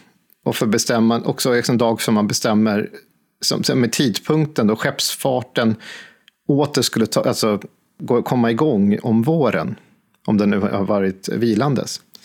Och, eh, jag ska läsa upp ett eh, utrop som finns från Tyskland, från Rügen. Som är till för att framkalla gott väder. Då ska man ha, det ska ha låtit ungefär så här. Leve Katrin, låt solen skina. Ska man ha ropat. Av det skulle man få gott väder. På tyska då såklart. Ja, men det var ju väldigt trevligt ändå, för hittills har vi bara fått höra om att man ska få starka vindar och kalla, blåsande, magiska stormar. Vad roligt att man ändå har de här där man kanske vill ha bara ett fint väder också. Så finns det, det finns också berättelser som, om att när skeppet liksom ligger stilla och det inte är någon vind, att det är då man ska ta till det här. För att man ska liksom, vid flötning, att man ska liksom komma i, att vinden ska komma så man liksom driver iväg. Det finns en sån berättelse från, eh, just från Värmland då, som lyder Vid flötning så hade det god hjälp av henne. Eh, då menar man sjörået faktiskt. Den tron satt i fullt och fast i min ungdom. Och jag trodde det jag också. Jag minns så väl att vi kastade i penningar, femöringar, för att det skulle bli motvär. Och vi skulle få vila. När vi kastade femöringen så skrek vi Blås på Kajsa! Vi trodde som det gamla och gjorde som det gamla. Det här med att betala väsena för att få lycka eller få någon magisk fördel, det har vi ju hört om många gånger faktiskt. Bland annat med Lyktgubben för att man ska få hitta hem. Så måste man ju betala honom. Man får ju gärna betala trollen kanske för att man ska få någon lycka eller något bra av dem. Just det här att man offrar någonting verkar ju vara väldigt vanligt. Och sen rör vi, vi rör oss med väldigt stora pengar. Här 50-öring första exemplet och i det här fallet också en femöring. Men på den här tiden så var det väldigt mycket pengar kanske ska tilläggas då såklart. Ja visst, men sen eh, kan man väl kanske också tillägga att det var väl ganska farligt ute på havet också. Jag misstänker att, misstänker, det här, det här är min egen tankeverksamhet, att det var väl väldigt vanligt också att många skepp förliste ute på havet. Det är inte som idag direkt. Faktum är att folktro kring eh, skepp och eh, vara ute till sjögång överhuvudtaget, vara ute till havs, är väldigt stor. Det finns jättemycket skrock och berättelser och föreställningar om just eh, för sjömän. Och jag, jag tänker att det här är så pass mycket så att vi framöver måste göra ett helt avsnitt om detta. Att man fick inte ha med sig kvinnor ombord och det finns massa sådana saker som var skrockfullt. Och, och det levde kvar ganska länge, alltså långt in på 1900-talet. Och jag skulle faktiskt vilja hävda att vissa föreställningar finns än idag kopplat till eh, fiskare och andra som rör sig ute till havet i mindre båtar framför allt. Det är de nyckfulla eh, sjöarna och haven som ligger till grund här man vet inte hur det kommer gå. Alltså, även om vi har de här moderna teknikerna idag och ska ut eh, med en fiskebåt exempelvis, en liten sådan tänker jag då. Inte industriellt fiske utan mindre småskaligt. Om man då ska ut så vet man ju inte. Det kan bli en enorm skillnad från gång till gång och även vart fiskarna finns. Så man har eh, eh olika tekniska hjälpmedel så det är inte säkert att det går likadant varje gång som man är på samma plats. Så det är så mycket små saker som kan totalt förändra utgången. Och därför är det inte konstigt att det finns eh, mycket föreställningar kring detta. Folktro helt enkelt. Men du Tommy, vi är ju inte bara ett kustland Nej. här uppe i Norden. Vi har haft vansinnigt och vi har fortfarande väldigt mycket sjöfart. Men vi är ju också, i alla fall har varit en väldigt stark jordbrukskultur också. Där vädret också naturligtvis är väldigt, väldigt viktigt för att få god skörd. Och vi vet ju att det finns ju mängder av olika typer av eh, liksom, riter eller eh, olika handlingar man kan utföra för att få en god skörd. Det finns ju några kring eh, till exempel midsommar, att man ska gå och dra rep över ängar och man ska stjäla dagg och så här. Men just vädret är väl också väldigt bra att kunna kontrollera. Blir det lite regn så då torkar ju grödorna ut helt enkelt. Mm. Någonting som jag fascinerades av nu när jag skulle titta på jag gick igenom ett antal svartkonstböcker inför mm. det här avsnittet. Jag tänkte att jag ska hitta någonting som handlade om att kontrollera vädret. Det fanns inte. Nej. Det, det fanns mycket annat, eh, mycket med bot och sådär, saker och ting som man kunde göra allt möjligt, men att kontrollera vindar, väder och så vidare, regn, lyser med sin frånvaro, i alla fall i alla de böckerna jag gick igenom. Och samma sak var det i den här stora Linderholms samling av svenska eh, besvärjelser. Så är det väldigt få som faktiskt handlar om ett sätt att kontrollera vädermakterna. När vi kommer in på det så, så hör det snarare ihop med böner som riktas till helgon. Eller att man ber till Gud för att vädret ska bli bättre eller att man ska få regn. Så någonstans där finns det en, att man har tagit, att tänka sig att den här typen av makt ligger då i den kristna guden och dess, som verkar genom sina helgons händer, än att man själv kan ta kontroll, om man inte då får kanske hjälp av djävulen. Och då är vi inne på häxorna och det som kallas för häxor eller andra trolldomskunnigas eh, domän helt enkelt. Där får vi flera beskrivningar av personer som använder sig av väderleksmagi för att skada personer. Och då hamnar du ju absolut inte i något riktigt liksom, hjälpande syfte för att få eh, bättre på gården, utan eh, då hamnar vi ju direkt där att vädret hamnar i en ond kontext på något sätt. Ja, för det som finns som gäller åkerbruk och sådär, det finns ju mycket sånt om man får, vi får bra grödor och så, men det är inte direkt regnet man talar om så i de här formlerna, utan det är olika ritualer och saker man utför för att få god skörd. Då kan man ju tycka kanske att regnet hör ihop med det såklart, men det sägs inte uttryckligen då, utan det är annat som man gör för god äring, som man brukar säga. Men jag tänker att vi ska kanske lyssna på det här med, om vi tänker sig att häxorna, det som kallas för häxor, eller trollgummor av olika slag, trollkonor, på olika sätt kan orsaka skada. Så finns det olika berättelser som, som fortsätter från medeltiden långt in i 1800-talet, till och med 1900-talet. Berättelser om, om hur de med sin makt förändrar vädret. Och vi har ju en berättelse från Bohuslän som Eva har läst in här.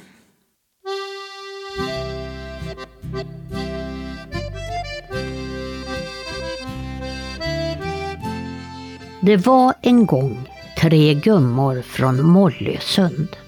Gummorna hade bestämt sig för att de skulle göra så att deras män blev borta på havet. Men en dräng som tjänade hos en av gummorna stod gömd och lyssnade när de överlade med varandra om det bästa sättet att göra sig av med sina män.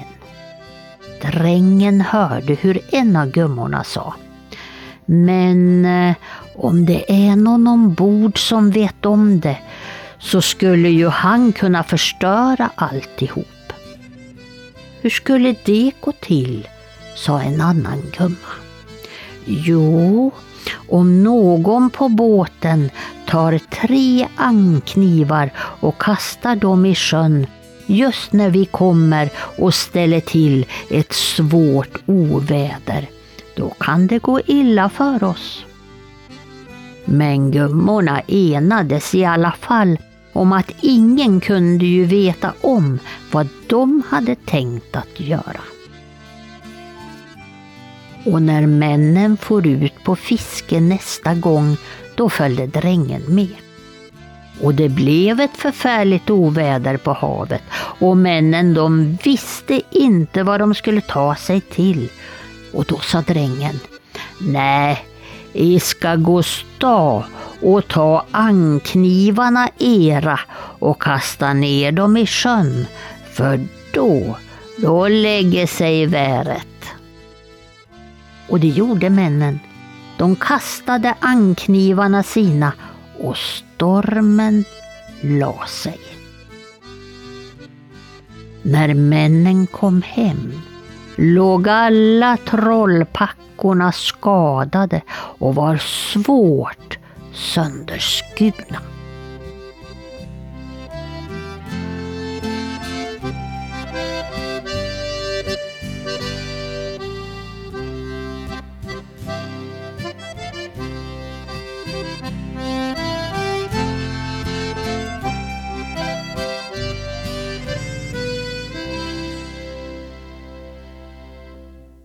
De här tre trollkonorna, de eh, råkade råkar ju illa ut för att de skulle ta död på sina män. Det var ju tur då att drängen var där och tjuvlyssnade. Som vanligt eh, så verkar det ju vara då att de här gummorna får lida pin för eh, männens förfaranden på något sätt. Precis, och i den här äh, sägnen då så har vi ett motiv som vi finner på olika håll som handlar om trollpackor. Då, då Att de på något sätt är en del av virvelvindar eller själva naturen som, när de orsakar något sånt här. Och eh, om man då kastar de här stålknivarna, anknivarna i sjön, så kastar man alltså på dem så att de snurrar runt i det här. Så därför ligger de helt sönderskurna efteråt. Så man vet också vilka som är trollpackor i det här fallet. Men en vanligare föreställning som också finns är att om det kommer en virvelvind, om de kastar någonting av stål i det, gärna en kniv, så kommer det också drabba den som är, är, är själva virvelvinden, då, själva trollpackan eller häxan, vad man kallar det för, själv. Och att då kommer man ibland, kan man, om man inte dräper henne, eh, vilket inte oftast är fallet, men om, att man sen kan se vem som är skadad av detta. Och därmed kan utpeka exakt vem det är. Det påminner lite grann om den här eh, tanken kring tjuvmjölkande väsen, där nästan det här väsenet är en förlängning av trollpackan själv. Så att det finns en koppling däremellan. Och här då kanske det är något liknande, att just vinden eh, sträcker sig hela vägen till den här trollpackan. Eller att trollpackorna själv är där ute i havet i formen av en vind. Jag tror snarare det är så man ska se här, även om det är klart det finns en likhet, för det håller jag med om, men att här är ju hon själv, själva mm. det här fenomenet. Medan i Tjuvmjölkande väsen så är det snarare en förlängning, för den, för den är också utanför henne själv. Det kommer vi prata om i vårt avsnitt som kommer komma om tjuvmjölkande väsen. För att i Sverige så skiljer det här sig exempelvis från brittiska öarna eller från många delar av kontinenten när det är häxan själv som förvandlas till det här djuret. Här är det utanför henne. Men det finns en koppling såklart. Men just i virvelvindarna och sånt där så kan man nästan se det som hon själv då. Att de finns någonstans i dem. Just i det här temat så finns det också en berättelse från Blekinge igen. Som handlar om just de här virvelvindarna och häxorna som är i dem. Då. Och då, då sägs det så här i, i sägnen. Tocknadära virvlar på landbacken som kallas värvenor komma inte från havsfrun, utan har helst annat upphov. Jag skall nu då bara tala om ett exempel. Det var en man i Norrland som nu då misstänkte sin hustru för stygghet med en annan kar. Men kunde inte få sprackan på dem. En dag gick han och sådde. Då kom där nu då en ogruvligt stark värvena, alltså virvelvind, så nära tagit hela karen med sig om man inte varit så insnidig att kasta sin kniv lika in i henne. Någon tid efter blev mannen, nu då, så led och ked av hela vördnaden hemma så att han, nu då, vandrade ända upp till Lappland. Där kom han nu då in i en liten husaplita till en kärring som bjöd honom mat. Och när han började äta såg han nu då att han fått sin egen gamla kniv att äta med. Mannen blev helt rent förlägen och frågade hur i nådens tid kniven kommit till Lappland. Då kavlade kärringen upp och visade honom nu då ett djupt ärr på sitt ena lår och sade honom att där fick hon sår när han högg kniven i värvenan. Också från Eva Wikström. Och här har vi ju verkligen en liknande händelse där hon själv var vinden och blev skuren på grund av att eh, kniven for rakt igenom. Och här fick man ju också se att det, var eh, de här lite obskyra personerna uppe från Norrland, Lapplandshållet som besitter den här typen av trolldom på något sätt. Ja, det är en bit att knalla från eh, Blekinge upp till Lappland. Det är en väldig bit att knalla, verkligen. Om man nu inte for till, eh, med, med båt eller sådär då, men det, det, framgår inte riktigt. Men det är, det, är såna, det är så faktiskt fascinerande ibland. Jag brukar prata om det när jag är ute på konferens och sådär, man pratar om svensk folklore runt om i Europa. Att avstånden och Sveriges yta är så oerhört stor. Det är svår, svårt att föreställa sig. Ja, du som norrlänning, du vet ju när du åker runt, men längre söderut i landet så tänker inte många på det för att vi har sån tågen går så tätt och det finns, man snabbt kan med eh, snabbtåg komma från en ort till en annan. Men kommer man ovanför egentligen Eh, Uppland, räcker väl kanske, norra Uppland och uppåt så är det ju, då börjar vi snacka långa, långa avstånd. Uppe, ja, du sitter i Ångermanland, men kommer man ännu längre upp så i, till Norrbotten där en socken kan vara lika stor som hela Västmanland, eller till Lappland, då, då snackar vi väldiga, väldiga avstånd mellan olika orter. Ja, men verkligen. Och jag vet vi har nämnt det när vi har pratat om den här Gävlepojken också under häxprocesserna. Det är ju en tid där man bara går. Ja. Kanske att man kan få skjuts med någon kärra och så här, men annars måste man ju använda apostlahästarna. Ja, och, och, och er som inte hänger med om den här Gävlepojken var han en ökänd person i Stockholm som, som hade för sig att börja peka ut vad han menade var häxor. Då. Och så fick han massa rykte om sig för att vara duktig på det här. Men han hade alltså gått till fots från Gävle ner till Stockholm, en fattig pojke, och sovit efter vägarna, vilket också i sig var väldigt farligt. Han avrättas ju sen för sin för att han hade pekat ut och fått en massa oskyldiga människor gått till, dömt till döden i Stockholm.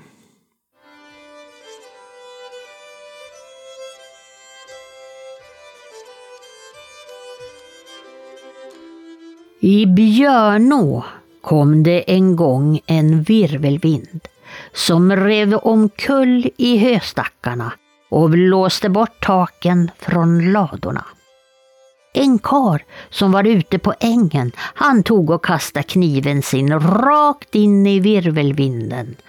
Och dagen efter, då var det en gumma i byn och hon hade fått ett sting av en kniv i sidan.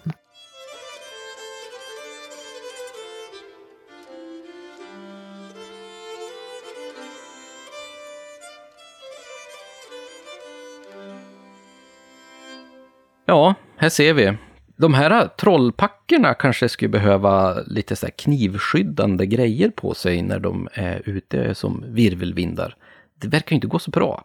Eh, I alla fall när folk vet hur de ska bli av med den här blåsten. Ja, fast å andra sidan så är det inte så många som går omkring med knivar idag. För det får man inte göra i regel om man inte nu är hantverkare och har en mindre kniv på sig. Nej, och vi skulle inte vilja rekommendera att om det, ni tycker att det är blåsigt, börja inte kasta knivar liksom rakt in i blåsen. Och inte ens om ni är finnar som det här senaste exemplet kom ifrån. För det var ju faktiskt från svenskbygderna i Finland, eller från mm. Bjärnå då, i Finland. Och det är från Finlands svenska folkdiktning den här är hämtad. Det roliga är att jag är uppväxt med den eh, som, som blev som min far då. Han är från Finland, från Vasa. Och det roliga var att när han kom till Sverige på 70-talet så var det ju många som tänkte sig, då var ju finnarna det som var den värsta invandrargruppen. Folk avskydde finnar när de kom. Eh, och då var det ju en myt om finnar var att de kastade mycket kniv.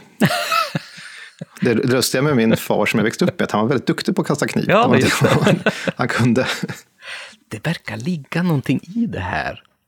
Det kanske är ett skydd också mm. mot virvelvindar. Jag, vet. jag frågade aldrig honom om det, han lever ju inte längre. Men det blåser väl en del i Uppland också, gör det väl? Ja, eh, att, ja, ja det är dåligt på att gå runt med kniv dock. Mm, ja, men det, det är kanske bra det. det. Ja, ska vi vara glada för. Vissa saker behöver man inte pyssla med. Men hörde du Tommy, vad tror du om väderlekens magiska besvärjelser inom lite mer modern tid då? Jag tänker så här, eh, vi har, jag har nämnt en sak tidigare innan vi pratade om modern tid. Mm. Att vi har pratat mycket om trolldom, eh, sätt att för egen del eh, förändra vädret med vindar och själv till och med bli en virvelvind och sådär. Men det som många gjorde, det var ju också be böner för att förändra vädret. Och det här är såklart inte trolldom på det sättet som bön är någonting annat. Vi har ändå tagit med ett exempel här på en bön som vände sig till jungfru Maria för att få ett exempel på hur man kunde liksom vilja påverka vädret, men man går då så att säga, den rätta vägen enligt kyrkans sätt att se på saken. Ah, just det. Och då kan vi ju höra hur det låter när Eva läser detta.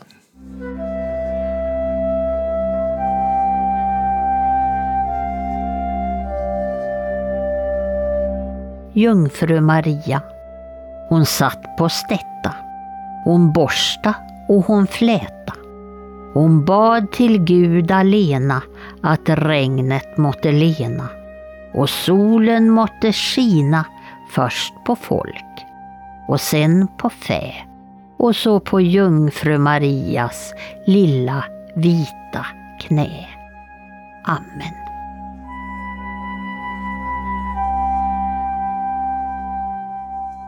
Ja, men här fick vi ju höra då en, en uh, liten aftonbön. Ifall man skulle mm. behöva, om, om man har planerat picknick imorgon, så kan man ju faktiskt uh, ta och läsa den här lilla bönen då. Jag tror att det är, det är ganska lämpligt, för när vi gick ut med ämnet för det här avsnittet så var det ju personer som tänkte sig att nu ska vi få eh, medel för att ändra väder, vädret här. Mm. Och vi kanske inte ska rekommendera det som eh, skedde i fornnordisk tid.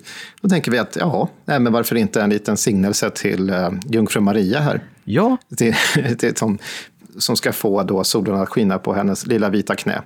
Mm. Ja, och då också på folk och sen på fä. Jag tycker att den är nästan lite, lite fin den här eh, bönen, sin enkelhet. Många av de här små korta liksom bönerna är ju verkligen, verkligen fina. Man får tycka precis vad man vill om dem, men de är ju väldigt mysiga att läsa i alla fall. Mm. Jag tror att Olaus Magnus hade instämt här och tyckte att det var ett bättre, bättre väg att gå än, än att vi ska ta till trolldomen. Ja, men det är kanske bra det eftersom jag häcklade att det inte gick att läsa hans texter.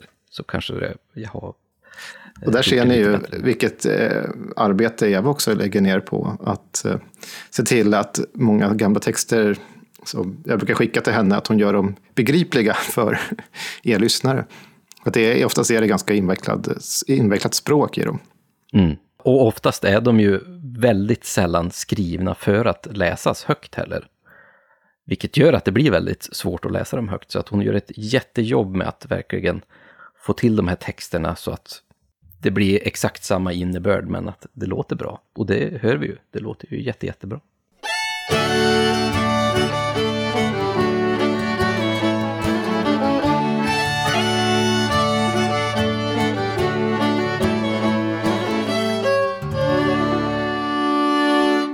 Hörru du Tommy, det finns ju lite grejer i alla fall när vi tänker så här, den moderna tiden. Jag vet att vi alltid brukar prata om populärkultur, men just det här med att kontrollera vädret ser vi ju verkligen att det är en önskan som vi har haft sedan urminnes tider nästan. Men idag med den moderna tekniken så har vi ju nästan kunnat komma till en sån nivå. Och om ni inte vet det så finns ju faktiskt ett begrepp som heter cloud seeding. Eller eh, molnsådd heter det egentligen. Och det är faktiskt någonting som man utövar på många ställen eh, runt om där man har kanske väldigt mycket regn eller farliga hagelstormar eller att det är väldigt torrt, som i Australien till exempel. Och det är då att man egentligen sår molnen då med ett flygplan eller om det är drönare eller vad man vill använda för någonting. Med, de vanliga sätten är att man använder då kolaska eller aluminiumoxid. Det låter inte så himla trevligt. Eh, men det det gör då är då att antingen om det är risk för väldigt farliga hagelstormar, vi ser ju på vissa ställen på jorden så kommer det ju liksom hagelbitar som är stora som en knytnäve. Liksom. Och genom att göra det så kan man då förmildra just de här farliga stora haglen så att det mer töar bort. Men sen även kunna eh, undanhålla regn eller för att kunna skapa regn på vissa lokala platser där det är väldigt hög torka till exempel. Ibland funkar det tydligen, ibland funkar det ja, lite sämre. Men de har ju hållit på med det här ända sedan 1946. Så det är vår tids väderhattar helt enkelt? Det är verkligen det. Det är vår tids väderhatt. Inte lika poetisk, tycker jag, med de här drönarna som flyger omkring med kolaska uppe i molnen. Men Nej. Det är lite roligt också med det här med att man kan kontrollera vädret på det här sättet med att man så de här molnen. Och eh, vi har ju fått höra väldigt många exempel här också på att man använder det till onda syften. Och en liten grej här som är lite rolig, det är att just FN, Förenta Nationerna, har infört ett krigs, eller ett förbud emot vädermodifikation i krigsföring. Precis som att man inte får använda till exempel kemiska vapen eller biologiska vapen, så får man inte heller modifiera vädret för krigets framgång. Då. Det tycker jag är rätt intressant. Det gör det också svårt att vara eh, trolldomskunnig och eh, ha det som yrkesbana då. Att sälja sina tjänster till militären går alltså inte an. Nej. Nej, Utan okay. ni får förhålla er till den privata sektorn i så fall. Ja, jag tänker också på någonting i modern tid som man förknippar med, det är ju regndans och sådana saker som finns. Men ja. det har ju inte det så mycket kanske med Sverige att göra. Men sätt att vilja på något sätt, och det är ju att vända sig till andevärlden eller liksom det gudomliga och be om att få regn eller vad man är ute efter för väder. Så det finns ju olika tekniker och ritualer som, över hela världen som har samma syfte. Och det, visst, man ska väl skilja på att vända sig till gudamakterna i mer eh, tillbedjande syfte. Då, då, är det mer som den här Maria-signelsen då, eller bönen. Och det andra är ju att man tar aktiv kontroll över vädret som det vi har pratat om idag. Jag ska säga nu, för att vi brukar, kom, vi brukar ha en liten lista på litteratur. Och den här gången finns det inte så jättemycket, men jag har, eh, det finns en bok som är på tyska som man kan läsa av Wilhelm eh, Fiedler och den heter Die Antike Wettersauber. Eh, skriven 1931 som handlar om forntida eh, vädermagi, för det är det det betyder egentligen, vädertrolldom. Så den samlar liksom massa gammalt. Men ska vi gå in i populärkulturen också, så tänker jag någonting, ibland när man lämnar vår värld, inte när jag drömmer, men jag tänker att man sätter sig framför en PC, eh, eh, Mac eller vad man har, eller eh, konsol, så träder man ju in i en fantasy eller fantasivärld. Och spelar man särskilt fantasy så är det ju ganska vanligt att man i sin trolldomsarsenal har tillgång till vindmagi och, annat. Att man kan faktiskt påverka vädret. Hur många eh, trollkarlskaraktärer kan man inte få den här eh, magin att kunna till exempel kasta ner blixtar från himlen? Eh, är ju väldigt, väldigt vanligt till exempel. Exakt, och sen har vi ju, eh, som vi alltid nästan nämner Sagan om ringen i det här avsnittet. Eller i det här avsnittet, i, i podden. I alla avsnitt ja, det, Jag vet inte, det blir så. Och ni som har sett eh, då, inte minst eh, Peter Jacksons filmatisering, så är det ett tillfälle där brödraskapet eller fellowship ska gå över ett bergspass. Eh, där det är snöigt och sådär efter en kant. Och då står Saruman och läser ut formler som får hela liksom förändra väderleken. Mm. Och Gandalf försöker skydda dem till, ja, utan lycka. Och så måste de vända om till slut för det blir för våldsamt att gå igenom slutligen Moria. Så där har ni ju ett exempel igen från Tolkien ja. som faktiskt har bäring lite grann för det vi pratar om.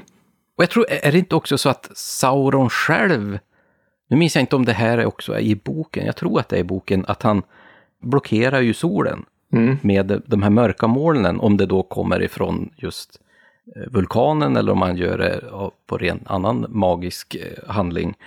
För att inte orcherna, eller orkerna, eh, tycker om solen. Så då mörklägger han hela slagfältet.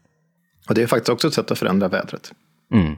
Och det som jag sa redan inledningsvis som vi inte ska prata om här, men det är saker som vi tänker idag. Det är inte ett aktivt sätt att ta kontroll över vädret, men ibland så gör vi det retroaktivt. Att man tänker sig, om man tar tydor av någonting som har hänt, och vi ska ha ett avsnitt om tydor också såklart. Men någonting som är direkt hör ihop med vädret som jag tror nästan alla lyssnare, eller alla lyssnare känner till, det är att om man råkar döda en spindel så kommer det bli regn. Den typen ja. av föreställningar. Och just knutna till iakttagelser man gör i sin, eh, sitt närområde, eller sitt naturen och runt om sig för att man gör katten klöser på soffan på ett visst sätt, då kommer det också bli regn, det kommer komma främmande, det finns olika berättelser. Så många gånger så tänker man sig att djur, djurvärldens äh, agerande på något sätt påverkar den kommande väderleken. Eller, eller inte påverkar, utan att de känner på sig. Om man läser deras beteende så vet man vad det kommer att bli för väder. Och det gör man faktiskt fortfarande, folk, fortfarande när man tittar på vissa fåglar flyger och sådana saker. Ja, är det inte så här att, det har i alla fall jag fått lära mig att eh, när eh, fåglarna antingen inte alls flyger eller att de flyger väldigt lågt, då ska det bli regn eller oväder. Ja. Det kan, kan vara så. Jag, jag eh, vet inte, men jag tror att det är så. Jag tänker, nu, nu bara spånar jag fritt för att det är fredag eftermiddag och då får man spåna mm. fritt.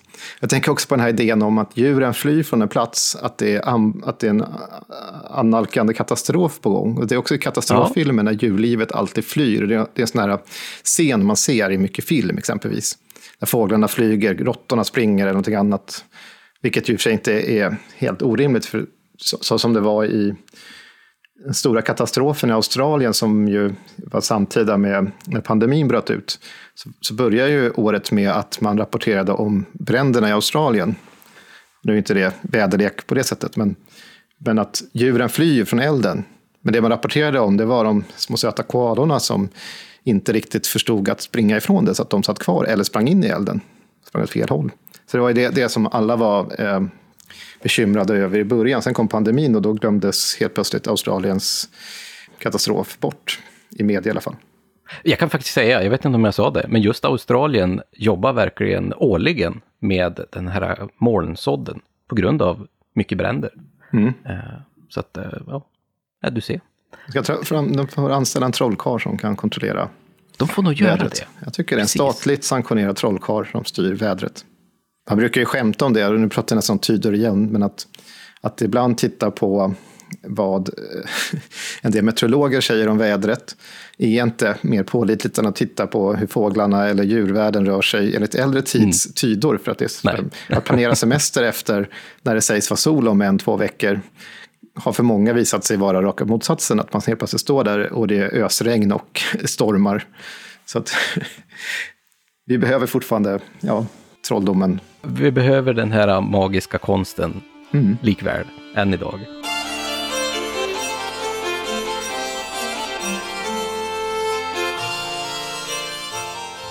Ja, vad säger du Tommy? Ska vi blåsa vidare rakt in i helgen nu då? Det låter alldeles ypperligt. Hur ser din helg ut Lars? Har du fullt upp? Jag har fullt upp faktiskt. Jag kommer att jobba den här helgen. Så att, eh, och jag kommer att jobba nästa helg också. Men eh, det, det, är faktiskt, nästa helg kommer att vara en väldigt rolig jobbhelg. För att eh, då är det ju då sista april. Är det ju. Ska du festa då? jag ska inte festa, men jag kommer att åka ner till Värmland. Till gamla kraftstationen i Deje. För att där kommer jag och Sara och Eva ha en sommarutställning med Oknytt. Våra tavlor och kanske några figurer också. Eh, så att vi kommer att vara där i sommar med våra härliga bilder, hade vi tänkt. Och då är det vernissage faktiskt den 18 maj. Så att jag ska åka dit lite tidigare. Och den kommer att hänga där ända tills den 17 september. Så jag tycker att ni, eh, har ni vägarna förbi eh, i Värmland så åk gärna förbi. Och du och jag ska ju faktiskt dit någon gång i sommar. Vi har inte riktigt bestämt datum än, men vi ska ju dit och livepodda lite grann. Ja, det stämmer. Eh, vi har ju inte varit ute på vägarna på länge, utan mm. jag kan säga som så att vi har ju faktiskt tre inplanerade eh, livesändningar där vi kommer besöka olika orter i Sverige och prata. Eh, och vilka det är och datum och sånt där får ni veta om ni följer oss i sociala medier.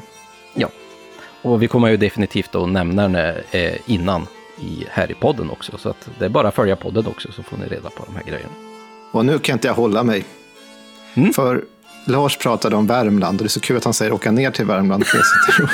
Eh, men jag ska i sommar till en konferens i England och en, en av våra utflykter, exkursioner, går till en plats som heter Satan's Ars. Mm. Det är alltså en stor grotta som har det öknamnet då.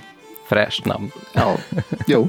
Luktar väl sump och fis där inne kanske. Tänker ja, ja. Men hur som helst. Och då tittar vi på det. Fanns det något liknande ortnamn i Sverige? Mm. I ortnamnsregistret? Jo då. Vi har en djävulsröv i norra Uppland i Bälinge. Nej, vad häftigt. Det är alltså en, en öppning i ett bergskrev i berg. Men det är inte det som är det roliga här. Jag ska avslöja ja. redan nu. Att söker man vidare på efterleden röv, och nu låter det nästan lite barnsligt här, men det gjorde, gjorde jag. Vad hittar man då, som ett av de första exemplen? Lars Röv, en, ett ortsnamn i Värmland. på, på tal om eh, starka vindar och liksom... ja, ja. Vad va hittar... Jag, jag, måste komma till ert arkiv eh, i Uppsala och plocka bort alla sådana här eh, som är kopplade till Lars. Varför finns det så mycket om Lars? Jag har ett vanligt namn. ja. det, det, är någonting med mig och, och hål i berg uppenbarligen. Eller i alla fall Lars och hål i berg. Ja, nu får vi väl se till att välkomna helgen. Jag ska också jobba lite grann. Jag ska faktiskt lägga sista handen på en artikel jag nämnt här förut om mm. Frej och Staffan Stalledräng som jag skrivit på. Och det roliga är att det sista jag ska göra i den, det är att gå till, eh, jag måste lägga till latinsk text av trumvirvel och Laus Magnus.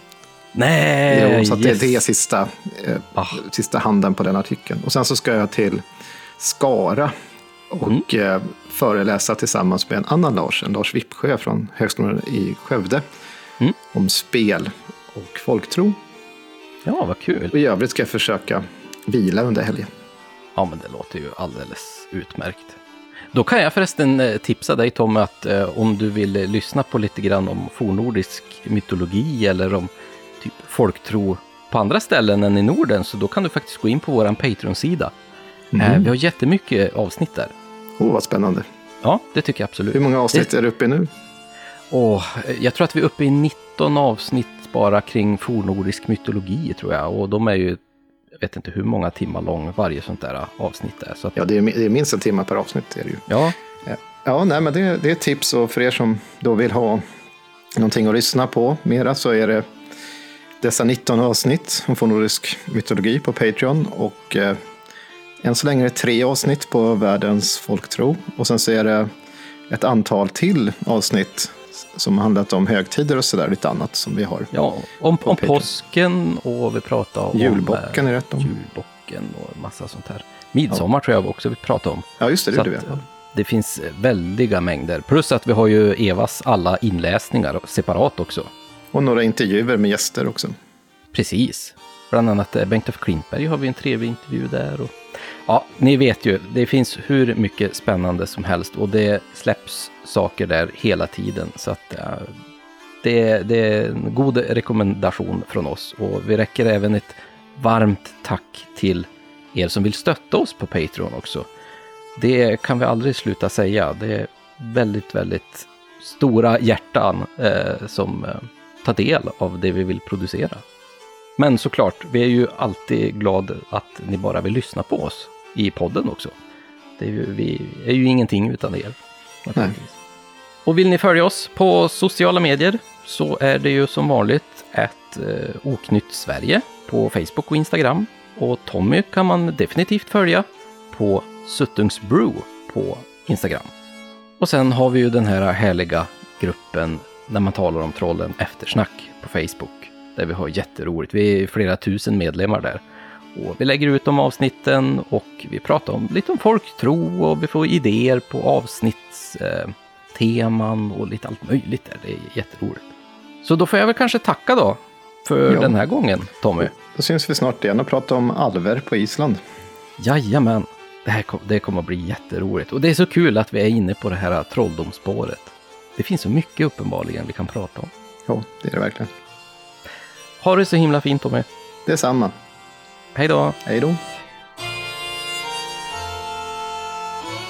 Podden är producerad av Oknytt, Nordisk folktro och mytologi och intromusiken är som vanligt komponerad av Mark Jungerman.